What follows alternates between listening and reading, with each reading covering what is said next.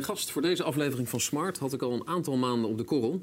Dus ik ben blij dat het nu eindelijk gelukt is om, uh, om hem tegenover mij te krijgen. En de reden was dat hij in zijn bio heeft staan dat hij zich bezighoudt met de complexe impact van technologie op onze samenleving. Nou, dat staat ook in de beschrijving van dit programma. Um, en hij heeft ook een keer gezegd dat hij vindt dat het belang van klooien wordt onderschat. We moeten veel klooien en vooral in zeven sloten tegelijk lopen.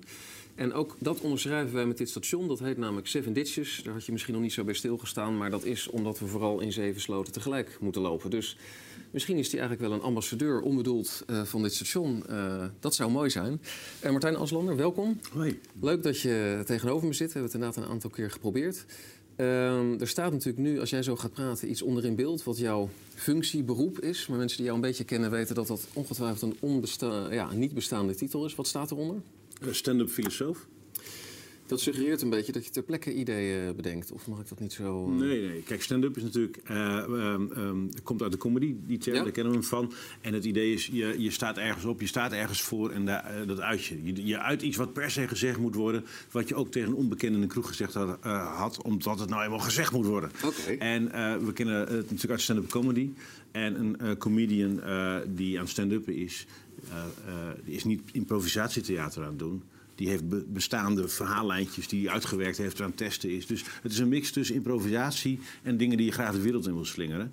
En, uh, en ik filosofeer over technologie. Dus ik ben ja. ja een soort stand-up filosoof. Dat komt qua ja, podium voor me dichtst in de buurt van wat ik doe. Dus vandaar dat ik die titel maar gepakt heb. Want het is zo ingewikkeld als je een, een beroep uitoefent dat nergens in een register staat. Nee. En hoe leg je dan uit wat het is? Nou ja, ja dan dat... moet je je toevlucht nemen tot termen die dan niet maar dat uh, is algemeen zijn. de tijd waar we nu in leven. Gaan we het ook zeker over hebben. En, en nieuwe beroepen. En uh, dingen die gezegd moeten worden. Hè. Daar, daarvoor zit je hier aan tafel. Dus doe dat ook vooral. Um, ik heb vorig jaar, ik weet niet precies wanneer jouw boek uitkwam, Nooit Af. December 2015. Samen met Erwin Witteveen, heb ik ja. ook gezegd. Uh, gelezen en allerlei dingen ingestreept. En uh, nou ja, ik had het hier even kunnen laten zien, maar dat was toch voor de kijker niet interessant geweest. Maar ik denk, we gaan niet per se het hele boek doornemen, dat halen we ook niet. Maar het Nooit Af-principe is misschien wel belangrijk om even neer te zetten voor de onderwerpen die we vandaag willen bespreken. Kan je het Nooit Af-principe toelichten? Dit veronderstelt dat er een nooit af principe is. Die heb ik nog nooit geformuleerd en dat is niet waar het boek over gaat. Maar als ik eentje zou moeten verzinnen, dan kan ik. Uh, dan is het nooit af principe gaat uit van het idee dat de ontwikkelingen op dit moment zo hard gaan en dat de versnelling van, de van die uh, versnelling zich nog versnelt. Uh, um, dat de aanpak die we nu gebruiken. bij de overheid, bij grote vraagstukken, dat die ons niet langer dient. Uh, omdat tegen de tijd dat de inkt van je plannen droog is en je, je hebt de uh, medewerker van iedereen en je hebt het budget rond, is de werkelijkheid alweer achterhaald. Ja. En uh, dat wordt normaal. dus Erwin en ik schrijven, hebben dat boek geschreven over goh, als dit nou allemaal klopt wat wij denken waar te nemen, ehm, wat is dan de beste manier om hiermee te dealen? En ja, wij kwamen uit bij het nooit af-principe. Dat uitgaat van dat alles in een permanente beta-staat moet uh, verkeren. Dus niet een groot project doen voor 500 miljoen bij de overheid en hopen dat het goed afloopt. Maar gewoon klein beginnen, elke keer opschalen en heel snel ja. itereren. Dat, we zien overal ter wereld dat dat een goed idee is. Alleen er is nog geen gemeengoed en mensen moeten nog wennen aan die andere dynamiek. Want ja. mensen verschuilen zich ook achter papier en geld. Nou ja, dat, dat bedoelde ik. Ik noem het nooit af-principe. Het gaat er niet om of het zo heet, maar wel de gedachte dat vaak de suggestie gewekt wordt: als we dit fixen, dan is het af. Ja, in de praktijk is dat het nooit nee, waar is. Nee, dus ja. dat, dat is, Stoppen uh, met foppen noemen wij dat. Ja, nou en er zijn, uh, nou eigenlijk challenge jullie of jullie dagen heel veel dingen uit. Van heel veel dingen zeggen jullie dat werkt eigenlijk niet meer zo. En, ik en laten we daar eerlijk over zijn. Ja, ja dat, dat ja. vooral. En je zegt ook dat dat weten we eigenlijk ook met z'n allen, maar laten we dat uitspreken. Dan kunnen we daarna iets doen aan de oplossing. Dat ja. is, uh, nou, nu zitten we in de verkiezingstijd en onafhankelijk van wanneer dit precies gepubliceerd wordt, doet er ook niet zo toe volgens mij wat de uitslag wordt. Maar daar zit denk ik iets in wat, wat indruist tegen hoe jij het ziet. Ja. Namelijk dat er heel veel uh, teruggerekend wordt naar economische impact, economische waarde. Zo niet alles. Mm -hmm. Als je dat niet kan, dan is je plan ook meteen eigenlijk uh, misschien wel niks waard. Dat is een beetje de gedachte die je nu in de discussie ziet. Terwijl je daar volgens mij behoorlijke kanttekeningen bij kan zetten. Bij dat economisch denken. Ja, sowieso. Even, economie is de wetenschap die de uitwisseling van schaarse zaken en diensten bestudeert. Mm -hmm. uh, en er zijn twee grote krachten in opmars. Uh, waar een econoom niet mee uit de voeten kan. De eerste is altruïsme. We doen iets voor niks. We doen iets voor elkaar. Ja. ja. Nou, waarom nou, niet zou... voor niks, maar ik bedoel nee, ja, Waarom ja? zouden we dat in godsnaam gaan doen? Dus, uh, en altruïsme was nooit een probleem voor een econoom. Maar ja, Wikipedia is decentraal technologisch gefaciliteerd altruïsme. Ja. En dat is een groot economisch probleem als je klassiek kijkt. Omdat- Minder, hou- minder houtkap, minder houtpulp, minder transport, minder eh, boekbinderijen, zetterijen, drukkerijen, colportatie, eh, verzekeringen, financiering, al die Ja. zaken. Eh, minder boekenkasten. Dat geld wordt allemaal niet meer verdiend. Dat is allemaal in handen van, die kennis is in één keer in handen van, van de hele wereld. Vijf miljard mensen over, over vijf jaar hebben Ja. tot al die kennis. Dat is ongelooflijk waardevol, maar niet te meten op een klassieke economische manier. Dus altruïsme is in één keer wel een probleem voor het eerst voor een econoom Ja. dankzij En de tweede is overvloed. En eh, wat we zien is dat alles wat digitaal kan worden, zal digitaal worden. Dat hebben we al op zoveel manieren gezien. Ja. En alles wat eenmaal digitaal is, kun je oneindig kopiëren zonder meerkosten. Ja, dus digitalisering zorgt voor het verdwijnen van schaarste. Is dat wat je zegt? Nou, digitalisering zorgt voor dematerialisatie. Want alles wat digitaal is, is niet meer materieel. Dus in een smartphone van 35 euro zit het equivalent van 900.000 euro apparaten die je tien jaar geleden had moeten kopen. Een kompas, een waterpas, een eh, eh, Scrabble, dat heet nu Wordvoid, nou, enzovoort. En eh, dat betekent dus dat je daar geen grondstoffen meer voor nodig hebt. Geen logistiek, geen, geen halffabrikaten, geen cao's, geen machines. Nou, dat hele stuk is weg aan het vallen. En alles wat materieel is, wordt kleiner, sneller, beter, nauwkeuriger, mooier, Ja. Richting gratis. Maar dit is allemaal heel positief, toch? Als je het zo schrijft. Als je door een niet-economische bril kijkt, Ja. wel. Maar een econoom kan hier dus helemaal niks mee. Dus eh, eh, eh, altruïsme en overvloed zijn twee modellen waar een econoom niet meer uit de voeten kan. En daarom ja, wantrouw ik elk economisch model dat we nu hanteren, omdat die maar een deel van de werkelijkheid waarnemen. Terwijl die nieuwe werkelijkheid steeds groter wordt en steeds meer impact heeft.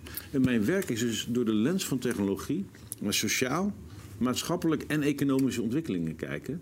En ja, ik, ik, bijna alle economen zitten volgens mij er standaard naast. En daar verbaas ik me enorm over. Ja. Dus op die manier terug naar de verkiezingen. Eh, eh, ze zijn het verkeerde spel aan het doen eh, met de verkeerde ge- gegevens en cijfers. En ik, ik, ik mis nul visie op technologie en het huidige aanbod van de grote partijen. Ja, sowieso inderdaad het belang van, eh, van digitaal op, op, op onderwijs, zorg enzovoort. Ik heb het Alle allemaal niet gehoord, Ja, dus is- eh, inderdaad. Verbijsterend. En ondertussen, om het nog iets erg te maken, wordt het land eigenlijk bestuurd door economen. Hè? Ik bedoel, eh, zo wordt En juristen.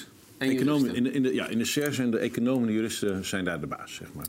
Terwijl die zich dus eh, bedienen van, van wetten of wetmatigheden, allebei denk ik, waarvan jij zegt die, eh, die gelden niet meer in de 21ste eeuw. En dat weten ze ook, want ik kom daar dus heel vaak en dan leg ik weer aan ze uit hoe, hoe het volgens mij zit. Ja.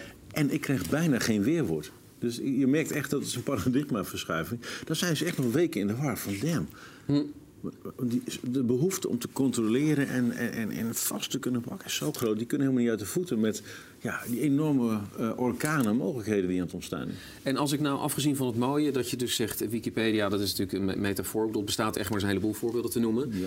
Eh, dat we daarmee kennis delen die in principe wereldwijd toegankelijk is. Voor iedereen die in ieder geval toegang heeft tot, tot internet. En dat zijn gelukkig steeds meer mensen. Vijf miljard hè, binnen nu en vijf jaar. Ja, dus dat gaat richting van, van de hel- de helft naar driekwart van de bevolking. Ehm, maar je, je beschrijft ook dat er ook een heel deel, economisch deel wegvalt eh, voor, voor mensen die, eh, laten we zeggen, iemand die bij de Britannica werkt, om het gewoon even helemaal Ja. te slaan. Dat, dat valt Nee, we krijgen, oké, banken, verzekeraars, farmaceuten, grote energiegiganten, accountancy firms, advoca eh, advocatenkantoren die met ondernemingsrecht bezig zijn. Ja. Die hebben binnenkort geen klanten meer. Want voor ondernemingsrecht, wil je daar geld mee verdienen, die grote law firm, heb je grote partijen nodig met grote belangen en grote conflicten. Ja, dat is weg aan het vallen. Ja, omdat, we dus, omdat nou goed, dan komen we ook nog op, die bedrijven worden kleiner. Maar is dat niet ook een probleem? Door economisch gezien, die mensen verdienen er een boterham mee. Hoe, hoe, gaat, hoe gaat dat opgevangen worden? Geen idee, dus we moeten gaan klooien. Oké. Even, de- de- ik denk echt de komende 10, 15 jaar worden spannender dan de afgelopen paar honderd jaar. Ik ben Ja. er positief over. Ik kan er ook negatief over zijn trouwens. Maar, Nou, dat is niet, om, niet mijn doel, maar ik, bedoel, ik ben het met je eens dat het heel mooi is. Maar er zit ook een keerzijde aan. Maar, eh, maar waar we misschien de oplossing nog niet op weten. Er zit, Dus- en alles zit een keerzijdes. Bottom line telt, wat ga je eraan doen? Nou ja, eh, je houdt het niet tegen. Nou, kun je net zo goed proberen te onderzoeken wat je er wel mee kan. Ja, daarom zeg je eerlijk zijn, dan zien Ja. we het in ieder geval onder ogen. En dan kunnen Ja. we daarna samen... Ja. Dat is ook onderdeel van wa- wat je doet. Dat je de mensen van probeert te overtuigen, misschien wakker te maken. Hou op, schei uit. Ik heb er echt een, een dagtaak aan. Ja. Ja, maar over wat je net even tussen, tussen neus en lippen door zei. Grote bedrijven die, die gaan verdwijnen. Ik neem aan dat Ja, je ze- bedoelt, ze worden kleiner. Bedoel, ze gaan niet weg, maar het zijn daarmee geen grote bedrijven meer. Ja, of ze, eh, of, of ze, ze verliezen hun bestaansrecht. Omdat? Nou ja, op het moment dat jij eh, eh, dat bijvoorbeeld, geen idee, speculeren, eh, dat de blockchain volwassen genoeg is en je kunt geld sneller, goedkoper of gratis van A naar B verplaatsen dan met een bank. Ja. Ja. wat is dan nog het bestaansrecht van een bank? Dus schakels kunnen vervangen worden door technologie. Internet is cutting out the middleman. Ja. Dat is nu overal aan het gebeuren in steeds rapper tempo. Ja. En ja, daarmee valt het bestaansrecht onder heel veel grote clubs gewoon weg. Ze zijn Ja. te dom, te duur, te traag, te log en niet lief. Oké, dus we nemen een groot bedrijf waar heel veel mensen werken. En laten we zeggen, door, door automatisering is natuurlijk... Dat, hè, daar, toen zeiden we destijds ook, dit gaat allemaal banen kosten. Nou, er werken nog heel veel mensen in automatisering, misschien wel meer dan Ja, daarvoor. maar, ja, maar Dat, is dat een vergelijkbare... Nee, we zitten ergens anders nu. We zitten nu met eh, een stuw meer aan eh, innovaties en vervolginnovaties. Wat weinig mensen door te hebben, is eh, hoe die netwerkeffecten van Metcalf eh, doorwerken. Mhm, ja. Dus Metcalf die zegt, ja, eh, een, ehm, een, elke node die je toevoegt aan een netwerk zorgt voor een kwadratische stijging van de hoeveelheid interconnectiemogelijkheden. Ja, dus gaat exponentieel meer waarde per knooppunt. Nee, dat is exponentieel. Ja. Dat is weer een ander verhaal. Nee, eh, puur het netwerkeffect van Metcalf. De eerste man die een fax kocht, kon er niks Ja. mee. Duizend lui die een fax kopen, kunnen met elkaar faxen en het hele netwerk wordt sterker. Dat is de architectuur van het internet. Door die netwerkeffecten die krijg je een soort stapeling. Dus wat gebeurt er? De snelheid waarmee we met z'n allen eh, zwart-wit tv's zijn gaan kopen... dat heeft veel langer geduurd dan de snelheid waarmee we kleuren tv's zijn gaan kopen. Dat, dat, dat, dat is veel sneller geadopteerd. Mhm. Maar de overstap van een beeldbuis naar een flatscreen ging nog veel sneller. Dit geldt ook voor de adaptatie van mobiele telefonie... eh, de snelheid waarmee we zijn gaan sms'en en de snelle overstap naar WhatsApp. Dus we krijgen steeds snellere adoptiegraden Het volgt elkaar sneller op. ja, in allerlei technologieën. Dat hoogtepunt was afgelopen zomer met eh, Pokémon. 500 miljoen mensen gingen in drie maanden tijd hetzelfde doen. Dus, dus dit was een voorbode van iets wat binnen nu en twee jaar hebben we een, nieuw, een nieuwe app.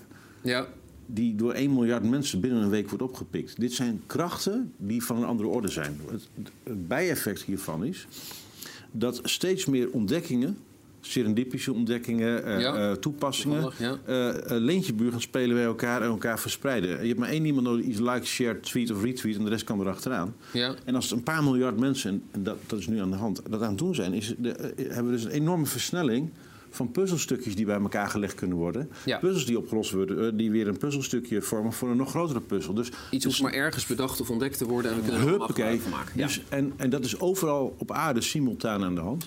Dus dat betekent dat, de, de, de, dat we daar de exponentiële effecten krijgen in eh, de snelheid waarmee vraagstukken opgelost kunnen worden. En als jouw businessmodel gebaseerd is op het bestaan van een vraagstuk en het vraagstuk is überhaupt weg, ja.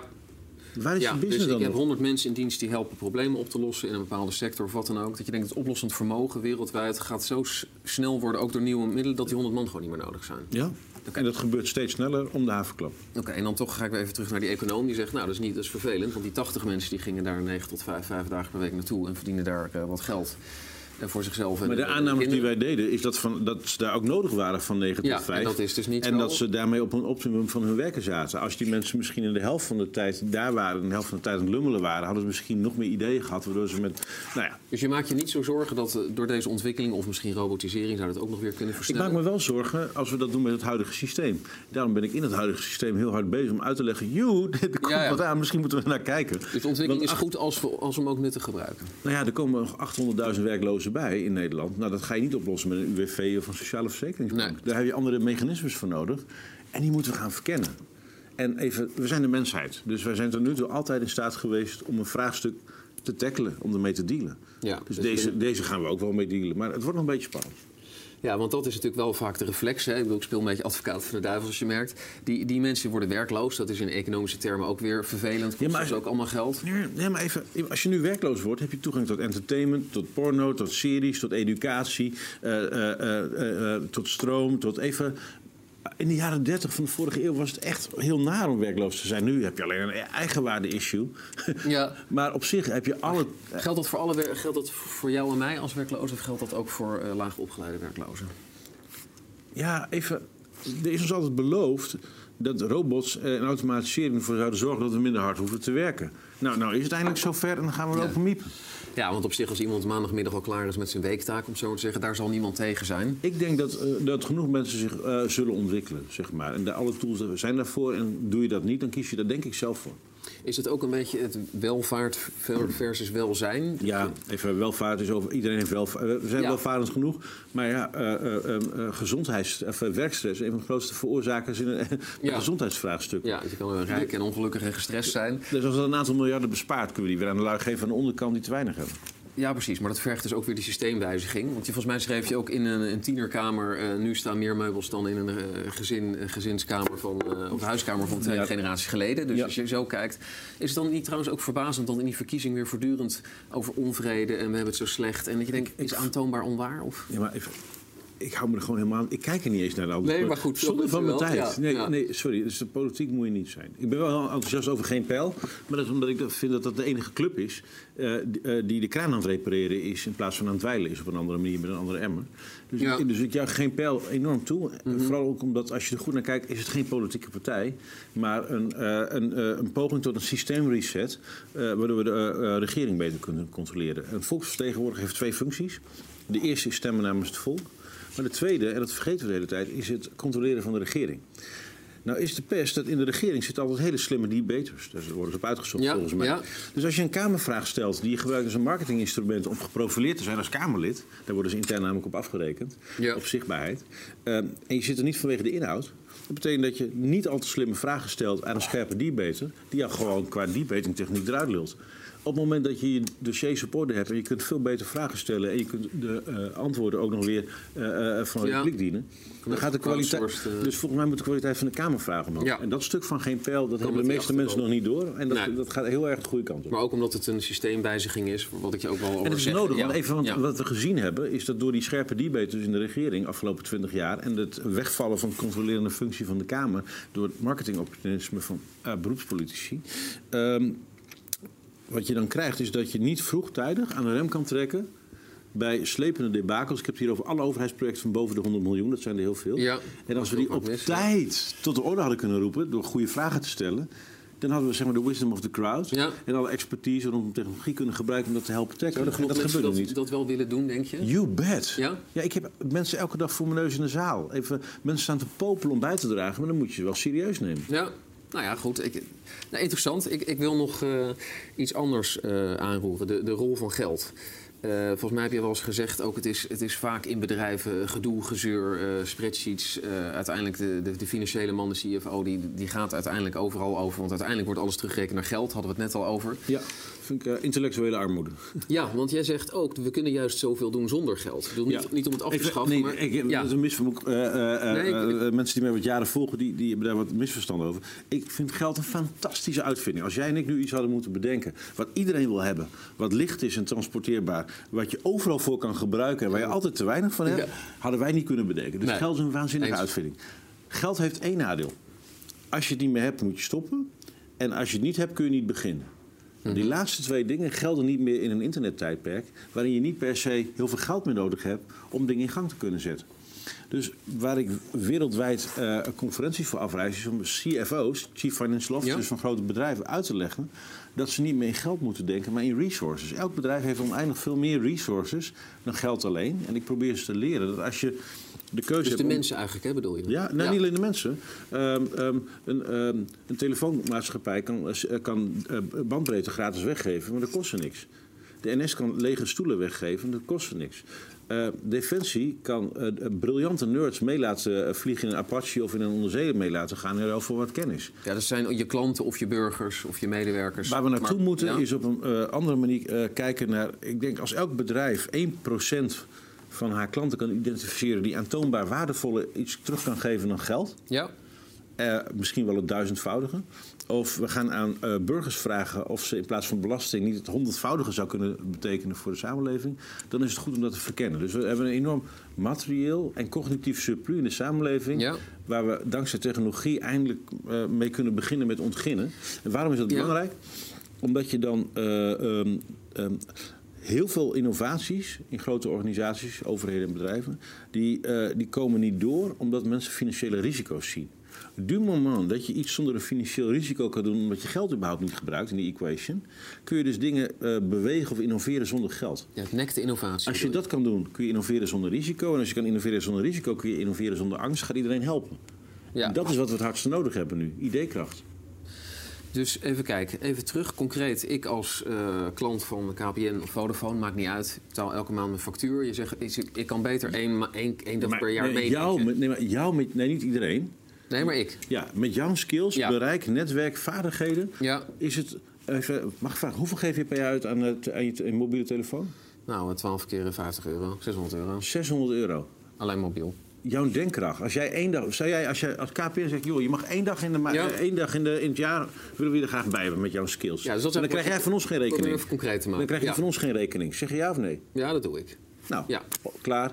Die, dus even dit. Ja, dus dat is dan het bedrijf, die, dan moeten ze mij identificeren. Nou, dat, dat lukt misschien wel, dus dat doe je bij een paar mensen. Maar je zegt eigenlijk een overheid zou dat ook kunnen doen. Want we harken allemaal geld binnen, vervolgens geven we het uit aan dingen. Die we aan- zouden kunnen krijgen. Ja. ja. Maar krijg je dan niet dat, eh, dat ik dan weer de klos ben? Nou, ik bedoel, ik vind het leuk om te doen, maar even afgezien daarvan. En, en dus dat het weer een bepaalde groep mensen is die dan dat doen. Als je aantoonbaar boven, oké, eh, als je aantoonbaar het, het tien of honderd of duizendvoudige kan toevoegen van, eh, ten opzichte van iemand anders, dan is het toch een goed idee voor iedereen. Ja, dus het, dus, dus het hoeft niet zo te zijn dat iedereen een keer aan de beurt komt en een keer mee moet denken. Zeg maar, het is meer, het is juist fijn dat je dat kan doen.